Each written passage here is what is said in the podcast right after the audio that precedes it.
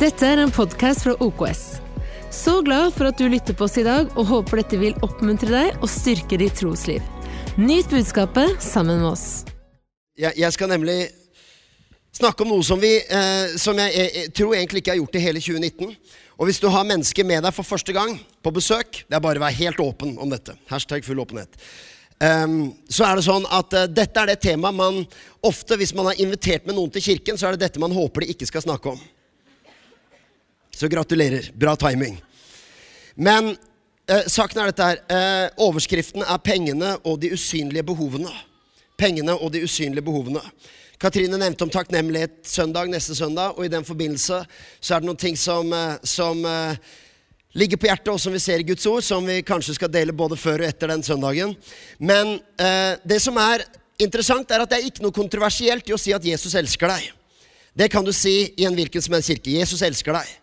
Og ingen vil bli veldig provosert, og noen vil kanskje ikke tro på det, og det er, jo, eh, det er jo alles rett. Men det er ikke noe kontroversielt. Du får ikke noen tomater kasta etter deg fordi du sier Jesus elsker deg. Som regel. Hvis du sier at Gud bryr seg om pengene dine, eller Gud har omsorg for økonomien din, så har du allerede tatt et steg som for mange er kontroversielt. Du kan ikke blande Gud med de tingene overhodet. Sånn jeg reflekterer, så er egentlig setning nummer én stemmer ikke hvis ikke også setning nummer to stemmer. For ellers er Guds kjærlighet bare symbolsk. Det er det som å ha en kosebamse. Ja, Jesus elsker deg, men han vil ikke ha noe med livet ditt å gjøre. Saken er at pengene, økonomien, på ulike måter Og dette er ikke, ikke, det jeg skal dele i dag, har egentlig ikke med kollekt å gjøre. Eller det har ikke med hva skal jeg si, Guds ord har utrolig mye mer å si om økonomi enn bare at du må gi. Det er en del av det. En viktig del av det. Men Guds ord har vanvittig mye annet å si også. Eh, og faktisk er det sånn at Av alle Jesu lignelser så er eh, Det spørs litt hvordan man teller. men Han har eh, 8 eller 39 lignelser. Og mellom 11 og til 16 av dem handler på ulike måter om penger og forvaltning. Og Guds ord snakker masse om det. faktisk. Det finnes statistikker på det, hvor mange ganger det og det ordet er brukt osv. Og, så og dette er en kjemperød tråd gjennom Guds ord. Um, og den tanken om at Gud elsker meg, men han, han, vil ikke, jeg kan ikke blande min økonomi eller praktiske ting i det livet. Saken er at når det kommer til vår økonomi og penger, så er det noe som det har så en, Er det ikke funny? Er det ikke absurd at det er på en måte så vanskelig å snakke om, spesielt i en kirke? Og så finnes det knapt noe som påvirker livene våre mer. Snakk om, å, om, at Guds ord er livsrelevant og livsnært, men så vil vi ikke snakke om det som alle må forholde seg til hver dag hele livet. I hvert fall i det voksne livet, men egentlig også som barn. Det er noe som påvirker samfunnet. Det påvirker hvilke, hvilke, partier vi stemmer på. Det påvirker tankegangen vår, det påvirker valgene våre, det påvirker utdanningen vår, det påvirker eh, ferievalgene. Det på, altså Økonomi gjennomsyrer hverdagen på en nesten sprø måte når du begynner å tenke på det. Det som jeg skal snakke om i dag, er pengene og de usynlige behovene. For det er sånn her at de synlige behovene er alltid lettest å snakke om. Jeg trenger nye felger. Hvor mange her ønsker seg nye felger til bilen? Ja, Kjartan ønsker seg alltid det. Samme hva han har. Kan alltid ta sett til med felger. Hvor mange ønsker seg nye? Du kan fylle inn sjøl. De synlige behovene. Man vet man trenger mat på bordet. Man trenger tak over hodet. Det er noen synlige behov. Men Jesus sier noen ting som hinter om at det er egentlig ikke de synlige behovene som stikker aller dypest. Det er noen usynlige behov som påvirker måten vi tenker og velger omkring økonomi. La oss lese Matteus kapittel 6. Og hvis du ikke får med deg noe annet i denne prekenen enn det jeg skal si akkurat nå, så er det ok, men få med deg dette. Matteus kapittel 6 handler egentlig om dette at Gud har omsorg for deg. Gud har omsorg for deg. For mange nordmenn er det kontroversielt i seg sjøl. Så, så, lenge du snakker om en usynlig Gud litt sånn på avstand, som vi kan ha åndelige opplevelser med, frakobla resten av livet, da er det ok, og det er innafor. Men hvis du begynner å koble an med hverdagen Men Matteus kapittel 6 handler om at Gud har omsorg for oss. Han har til og med mer omsorg for mennesket enn han har for skaperverket. Altså, Gud har omsorg for skaperverket, men i kapittel 6 så står det noe om hvordan Gud har en spesiell omsorg for mennesket. Det fins en verdi i mennesket som gjør at når Gud kler fuglene, og Gud kler hva skal jeg si, skaperverket på den måten, så, så resonnerer Jesus med at hvor mye mer har han ikke omsorg for oss? Som Matteus kapittel 6, om dette hadde vært hele andakten Noen syns det var en deilig tanke. Så er det rett og slett Gud bryr seg, Gud har omsorg, og det er faktisk en åpenbaring. Det er en sånn pollett som må dette ned. Jo, Gud bryr seg. Ikke bare om at du skal gi. Nei, Gud bryr, han har omsorg for deg. Det er der det begynner. La oss lese kapittel 6 og vers 21-25. Det står der skatten din er, vil også hjertet ditt være. Og Du hører at jeg har litt sånn forkjølelsesstemme. Det betyr at du må gi meg ekstra respons, så ikke jeg presser meg sjøl. For det er det jeg liker hvis man kan snakke helt vanlig og rolig, og du likevel gir meg god feedback. Da slipper jeg heve stemmen. Men hvis du er knyss, så må jeg drive og, så må jeg drive og jage opp stemmen hele tiden for å få deg engasjert. Og det er så typisk gladkristent, og det gidder jeg ikke mer.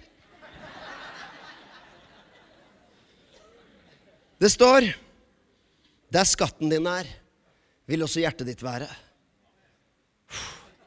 Det er en setning som man kan eh, snakke om lenge. Men så står det videre, fordi akkurat, Vi leser ikke alle versene, men Jesus har allerede snakka litt om, om, Guds omsorg for oss, og om penger. Så står det plutselig dette her. Da skatten din er, vil også hjertet ditt være. Øyet er kroppens lampe. Om øyet ditt er klart, er det fordi kroppen er fylt av lys. Men om øyet ditt er sykt, er det fordi kroppen er fylt av mørke. Er nå lyset i deg mørke, hvor dypt blir ikke da mørket? Og så kommer han tilbake. Ingen kan tjene to herrer. Han vil hate den ene og elske den andre. Eller holde seg til den ene og forakte den andre. Dere kan ikke tjene både Gud og mammon.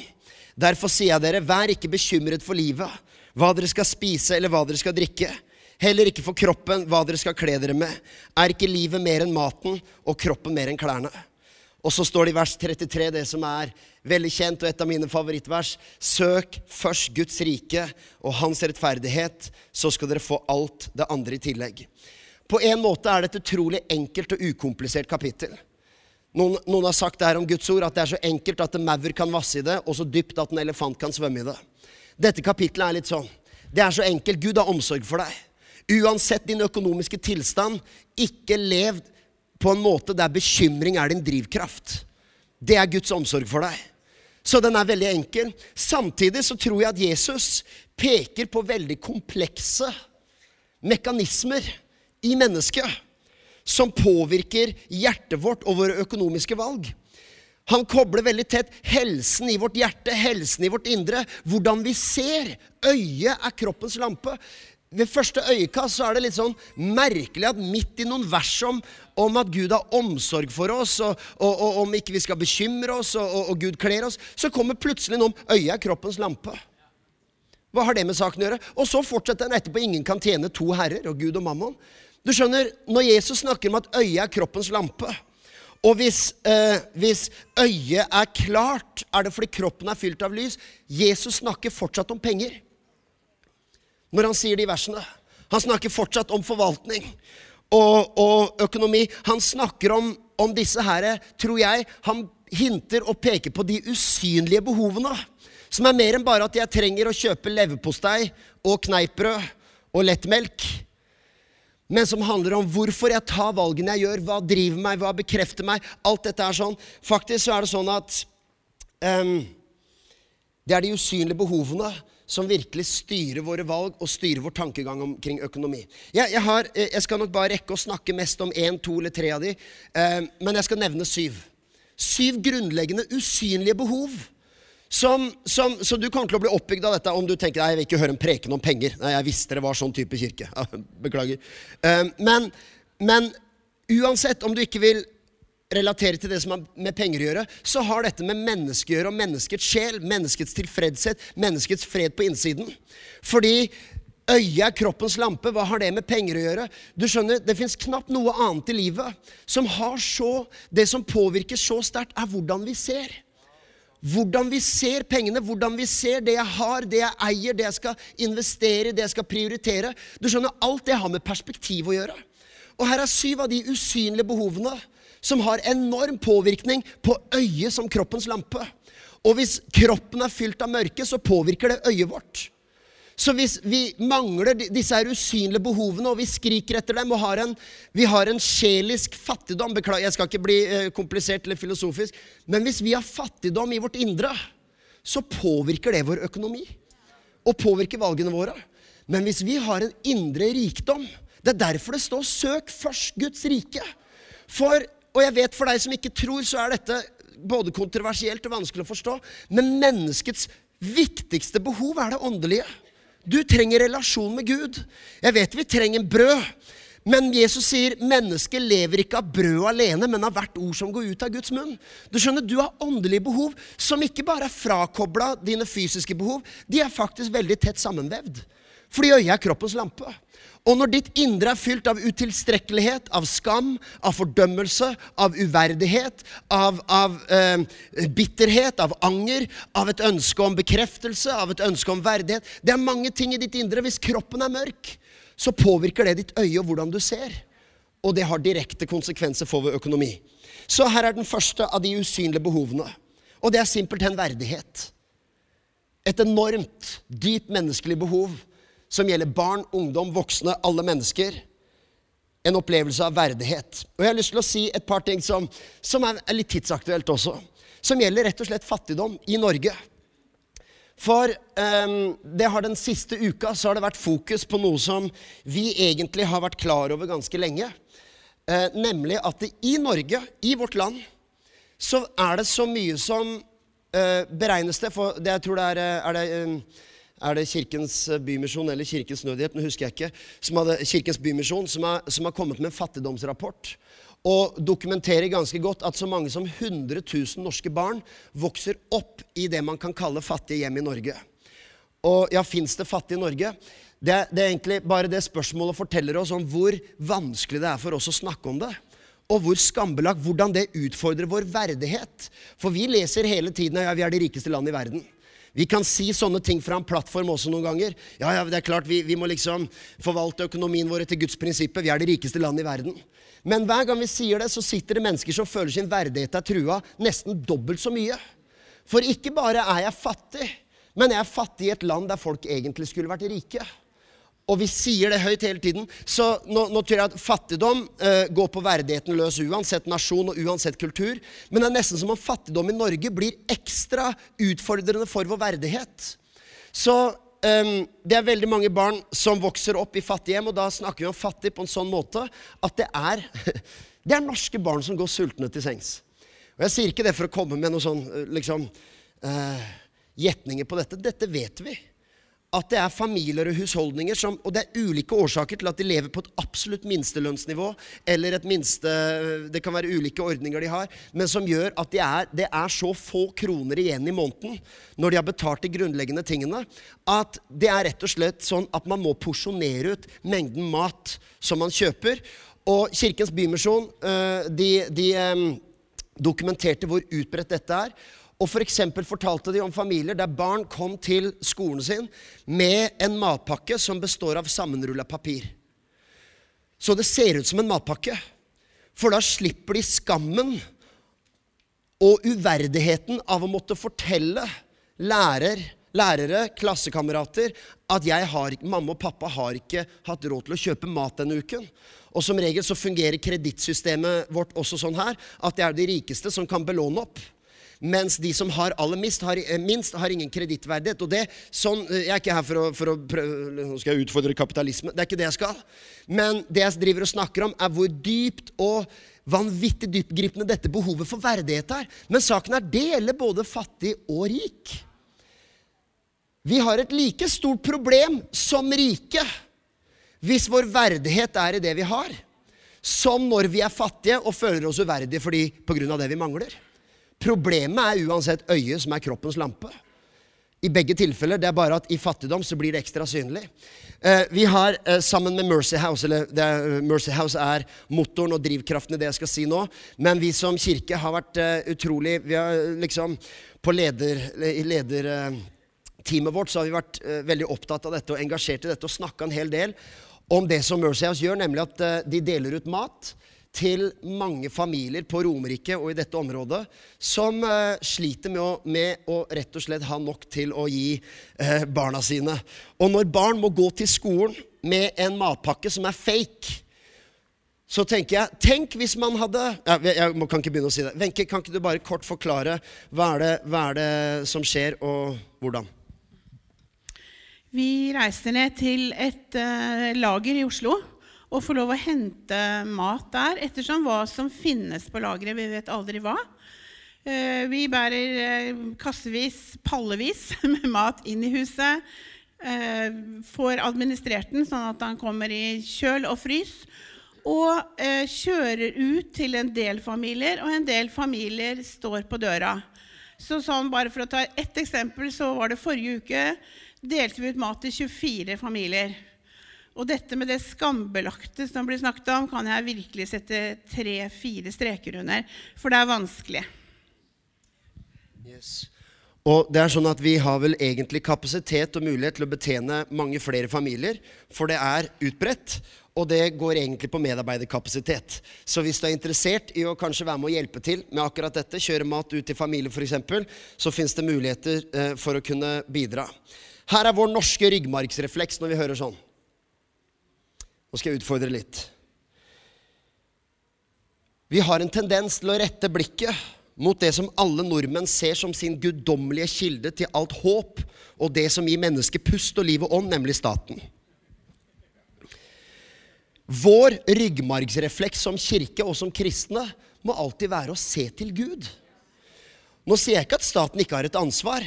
Og jeg sier ikke som kristne heller at ikke vi skal kunne tro på myndighetenes mulighet og utgjøre en forskjell. Men søk først Guds rike og hans rettferdighet, så skal dere få alt det andre i tillegg. Nå lever vi i en kultur der vi har en stat som har også enormt med ressurser, og man kan ha meninger om hvordan de skal prioritere, men alle våre kilder, de er i ham. Og når vi ser på disse behovene i vårt samfunn og omkring oss, så tenker jeg at jo, vi må kunne samarbeide med myndigheter. Eh, håper å si, gjøre mennesker bevisst og oppmerksom, gjøre politikere oppmerksomme. Men mest av alt så er vår ryggmargsrefleks er at Gud er vår kilde. Og han er ikke bare vår kilde, men til alle behov vi ser omkring oss, både dette landet og i andre nasjoner. Vi tror at Gud er rik nok. Vi tror at Gud som skapte alle ting, han gjorde ikke et skaperverk. Og så holdt han tilbake, så han ga akkurat ikke nok ressurser, sånn at kloden måtte leve i mangel og fattigdom. Jeg vet det er provoserende, for vi vet at fattigdom eksisterer i den skalaen det gjør. Men dette er min overbevisning, og det er gjennomtenkt når jeg sier dette her. Tenk ganske grundig på det. Jeg er overbevist om at Gud har skapt verden og menneskeheten og samfunnet med nok såkorn, nok ressurser, nok evner, nok verdiskapning til at ikke ett menneske skulle behøve å sulte. All Gud skaper, forsørger han både med brød og såkorn. Så det må være plattformen vår, og det er ikke å lukke øynene og benekte at mangel eksisterer. Det er mer hvis vi skal ha noen drivkraft til å utgjøre en forskjell i samfunnet, så tenker jeg at det er jo virkelig motoren i vårt hjerte til å være med å hjelpe. Vet du at det fins nok? Og som kirke så, så, så, er det som sagt det er bra at staten hjelper til, men du skjønner, som kirke så har vi også et annet budskap. At det fins en som har skapt deg, og en som bryr seg. Og vi vet at verden er urettferdig, men vi vet at Gud er rettferdig. Det fins korrupte systemer, det fins korrupte eh, lederskap, det fins korrupte strukturer. Men du skjønner, Gud er ikke korrupt. Han elsker deg, og vi brenner for å bekjempe og utrydde fattigdom, enten det er i Norge eller i andre land. En liten Nei, skal jeg droppe den? Ja, Du vet ikke hva jeg skal si. Kanskje du hadde sagt jo, den kunne droppa Thomas. Ba, eh, jeg, dette er ikke for å sparke til andre kirker eller til Den norske kirke. Men, men jeg, jeg, er jo en filosof. 20% stilling som filosof. Så hver fredag så filosoferer jeg. Det hva kollekten din går til. Da vet du det. Eh, og I Den norske kirke så er det nå store økonomiske behov pga. bl.a. enorme etterslep på vedlikehold av kirkebygg. Og Jeg har fulgt litt med på samtalene, for det er mange som jobber med politikken på dette. Og, og jeg forstår at det er veldig reelt. Når vi som har et, to bygg som vi eier, så er det klart det er lett å sitte her og ha meninger om det. Vi skjønner at det er enorme behov. Men jeg har lagt merke til, til på en måte uh, ledere og åndelige ledere og kirkelige ledere som snakker om dette. Jeg, jeg tror ikke jeg har hørt Gud nevnt én gang. All tillit er til at staten må stille opp. Vi må få budsjetter til å gjøre Og, og jeg, jeg, skjønner at det er ikke meningen at du skal gå ut i VG og si alle våre kilder er i Gud. Jeg forstår det. At man må bruke et annet språk. Men ja, det er ikke et snev av tillit til at Vet du hva? Gud har omsorg for sin brud. Gud elsker sin menighet akkurat som han elsker skaperverket og menneskeheten. Det er ikke et snev av det. Og jeg, jeg sier ikke det i, egentlig i pekefinger om at eh, det er bra, vi er mye klokere enn dem, men det er mer en ydmyk påminnelse om at når vi setter vårt håp til at noen over oss skal fikse det, staten skal fikse det, arbeidsgiveren vår skal fikse det, noen, de andre rike må fikse det Det er jo gjerne sånn også at når, når vi har mangel, så ser vi gjerne til de som har mye. Ja, hva gjør du med dette her? Men saken er at egentlig så er det sånn at du må se til Gud. For du skjønner, Gud er trofast. Og det er heller ikke dine rike venners ansvar å ta hånd om din mangel. De står til ansvar for seg, og står til ansvar til eh, Gud i himmelen. Og Guds ord gir oss noen både oppmuntringer og påminnelser til den som har mye. Men du skjønner, andres velsignelse er ikke det samme som din mangel. Jeg har sagt det noen ganger, men Gud har ikke én kake hvor han skal fordele. Du skjønner, Gud er rik nok. Det er som å være på stranda i Spania. Så er det ikke sånn at fordi det er 300 mennesker der, så er det ikke nok sol til deg. Nå blir ikke du brun på stranda, for det er så mange mennesker. Jeg har dratt til Spania og brukt penger på det, og så blir jeg ikke brun. Alle tar solenergien. Nei, du skjønner, Det kan være en milliard mennesker. Sola er uberørt. Og du skjønner, Gud er rik nok til å forsørge mennesker som ser til ham og stoler på ham. Og jeg vet det er på en måte for noen nesten provoserende. Men det må være vår bekjennelse og vårt utgangspunkt. Jeg tror dette her, at når vi lider mangel, så har vi ofte ikke et fattigdomsproblem. Og nå snakker jeg om oss alle, ikke bare de aller fattigste.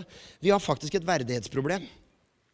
For jeg tror dette her, at hvis vi, hvis vi også kan gjøre noe med verdigheten til mennesker Jeg vet at det ikke er gjort over natta. Jeg vet at jeg sitter i glasshus. Jeg vet at mennesker kan si 'Thomas, du vet ikke hvordan det er å måtte gå og be om hjelp'. Be noen om de har brød og pålegg og, og ting å gi. Og det er helt sant. Jeg vet egentlig ingenting om det.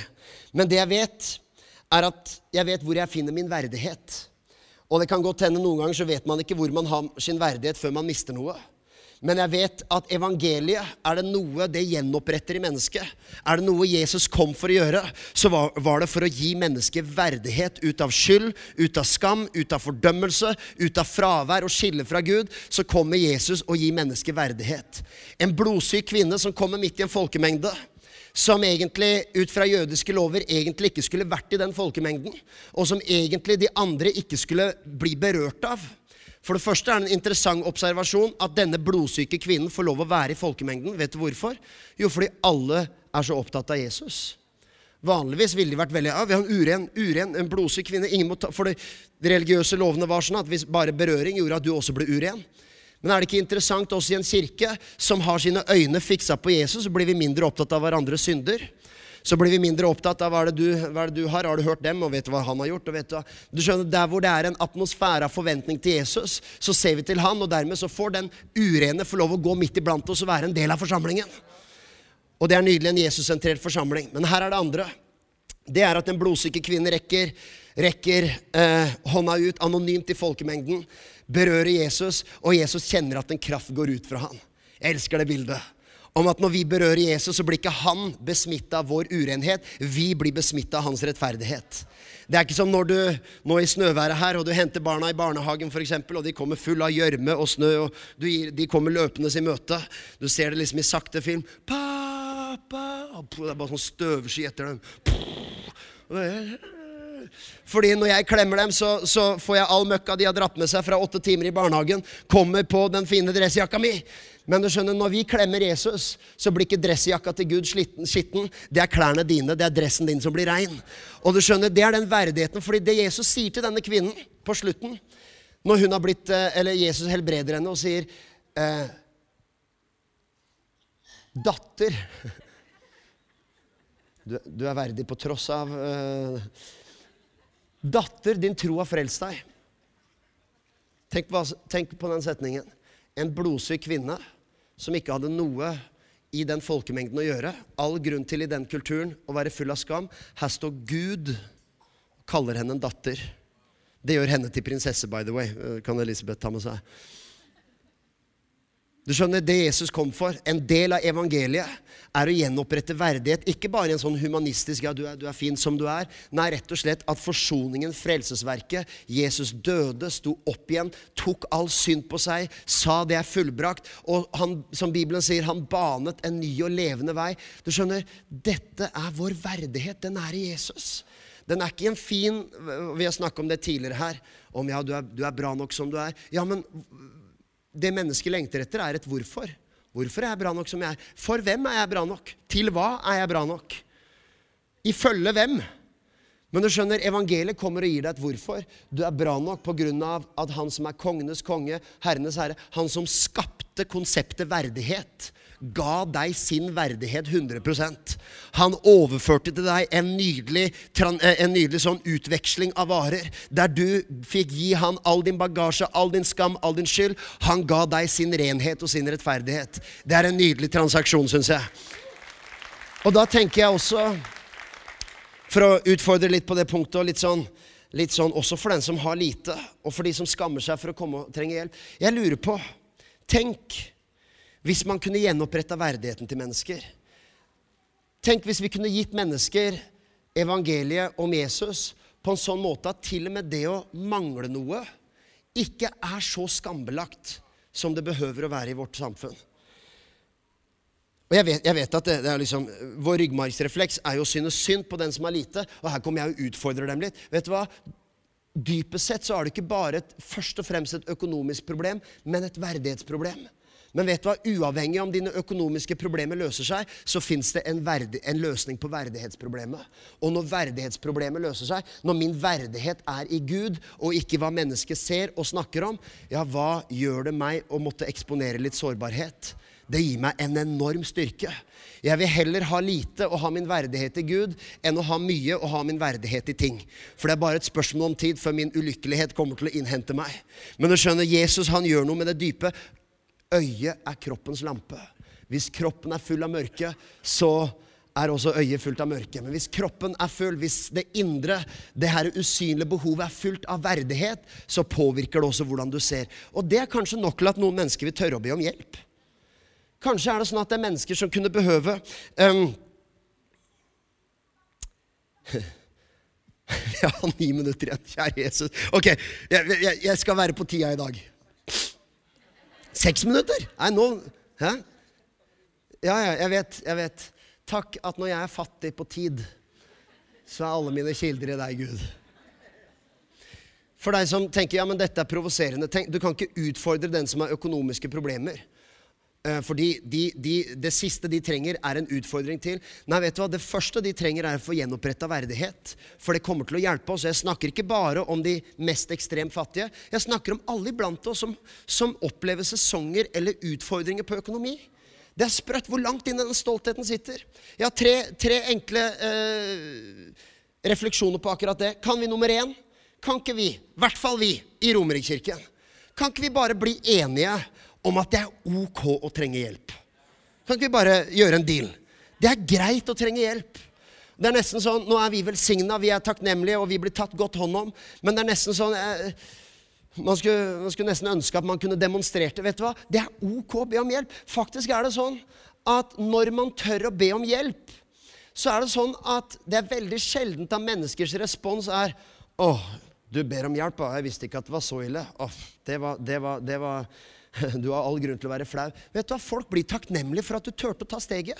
Og når jeg sier be om hjelp, så mener jeg ikke bare 'hei, kan du hjelpe meg med en tusenlapp', for jeg har ikke råd til busskort neste måned. Da snakker jeg om det og Vet du hva? Jeg, jeg trenger hjelp med å reparere. Jeg trenger hjelp til å få visdom til å forvalte på rett måte. Jeg trenger å stake ut en ny kurs. Vet du hva? Mennesker kommer til å bli så glad og takknemlig for at du strekker ut hånda og sier kan, kan, du være med og gå sammen med meg? Um, du skjønner, min sympati alene for fattige skaffer ikke dem en eneste ekstra brødskive. Men jeg tror vi som kirke både kan hjelpe med praktisk hjelp, og vi kan hjelpe med verdighetsproblemet ved å løfte opp Jesus Kristus. Og så er det vårt felles ansvar å skape et klima der det er ok å trenge hjelp. Her er det andre. Verdighetsproblemet gjelder ikke bare fattige, det gjelder alle. Det ble sagt om Israel når de gikk 40 år gjennom ørkenen. Det er sånn gammel, gammel mannfolkvits på farsdagen. Men det ble sagt dette at de hadde aldri brukt 40 år hvis de hadde vært leda av en kvinne. For en kvinne hadde hatt guts til å spørre om veien. Mens vi nekter å spørre om hjelp. Vi skal klare dette sjøl. Jeg veit, jeg kan en snarvei. Jeg har sett dette her. Dette er et av mine, min svigerfars største utfordringer i livet. Han har kjørt mange omveier i livet, for han spør ikke om hjelp til å finne veien. Nå er han ekstremt god på vei nå, da. Men uh, det er nå så. Jeg veit ikke angående ørkenvandringen om det hadde gått noe raskere med en kvinnelig leder, men jeg vet en ting om økonomi, og jeg sier dette bare i kjærlighet og omsorg, at mannfolk med økonomiske problemer har som regel først og fremst et verdighetsproblem. Vi er for stolte til å be om hjelp, vi er for stolte til å be om råd, vi er for stolte til å si at 'jeg behøver visdom'. 1. Johannes 1,8 sier at om vi, ikke, om vi sier at vi ikke har synd, bedrar vi oss selv. Dette verset handler ikke om at ja, du må, du må ned på kne og bekjenne din synd. Dette er simpelthen en setning som sier eh, hvis du sier at du ikke trenger hjelp, så lurer du deg sjøl. Og det er et verdighetsissue.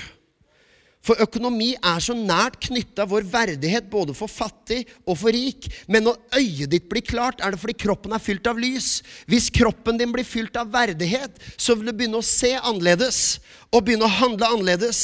Og øyet, det påvirker øyet. Og det tredje refleksjonen, som jeg har sagt allerede, det mangler ikke ressurser i Gud. Det er ressurser i Gud. Vi skal øh, Ja, jeg, jeg går videre. Hmm. Eh, bekreftelse. Jeg tar den til slutt, og så avslutter vi med den. Bekreftelse. Penger og økonomi som bekreftelse på at vi er noe. Er det, er det, virkelig sånn? Er det sånn de sier, at vi kjøper oss bekreftelse, og vi kjøper produkter som blir identitetsmarkører? Vel, jeg, jeg tror vi kan, vi kan begynne å snakke om Ja, hvor skal vi begynne? Svaret er ja. hvor skal vi begynne? Vi kan begynne å snakke om hvor dyrt det er å sammenligne seg.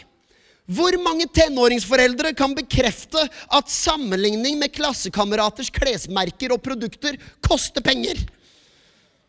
Hadde de isolert sett i seg sjøl funnet all sin verdighet og bekreftelse og glede i Gud og dreit en lang marsj i hva de mente de andre sa, så hadde, det, hadde vi hadde, kunne samle inn ti millioner neste søndag.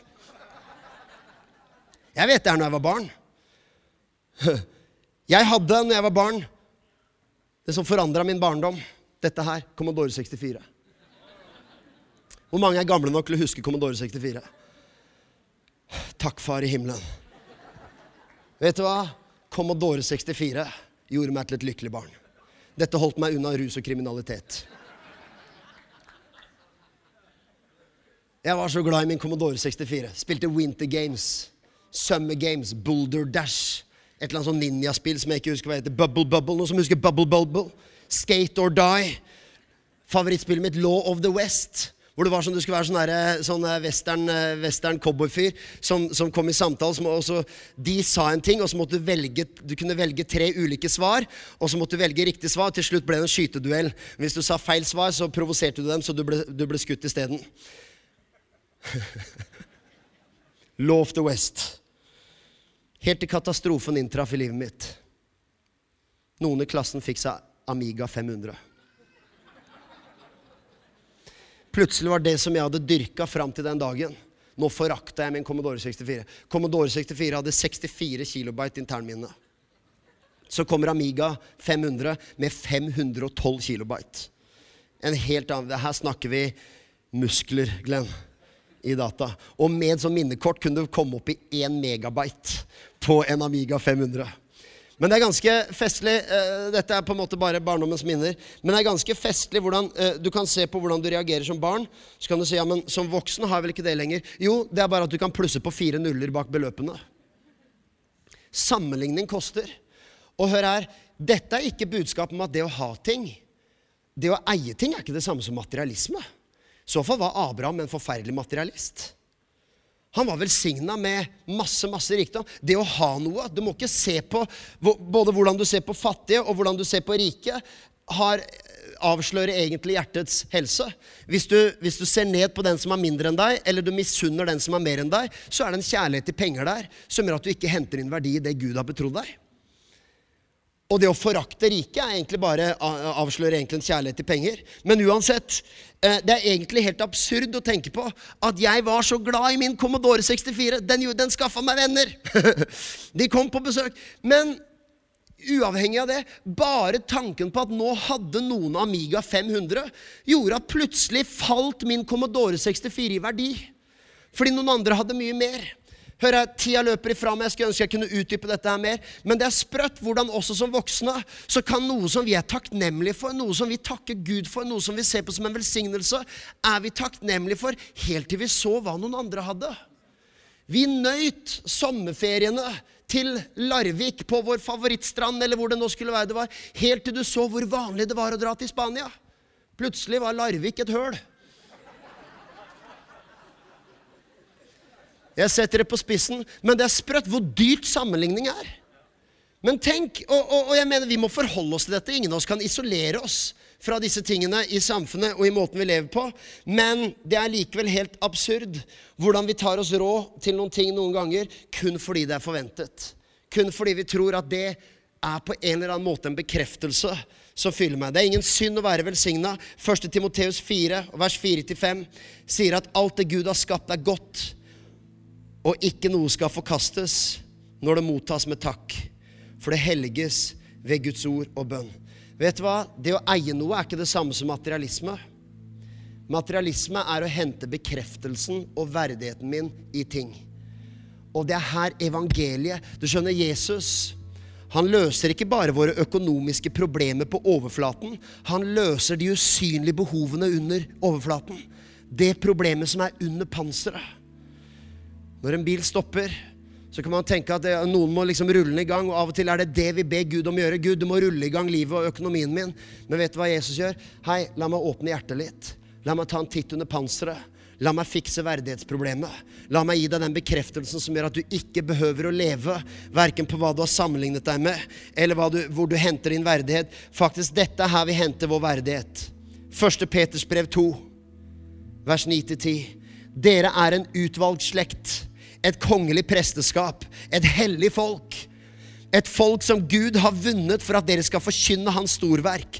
Han som kalte dere fra mørket og inn i sitt underfulle lys. Dere som ikke før var et folk, er nå Guds folk.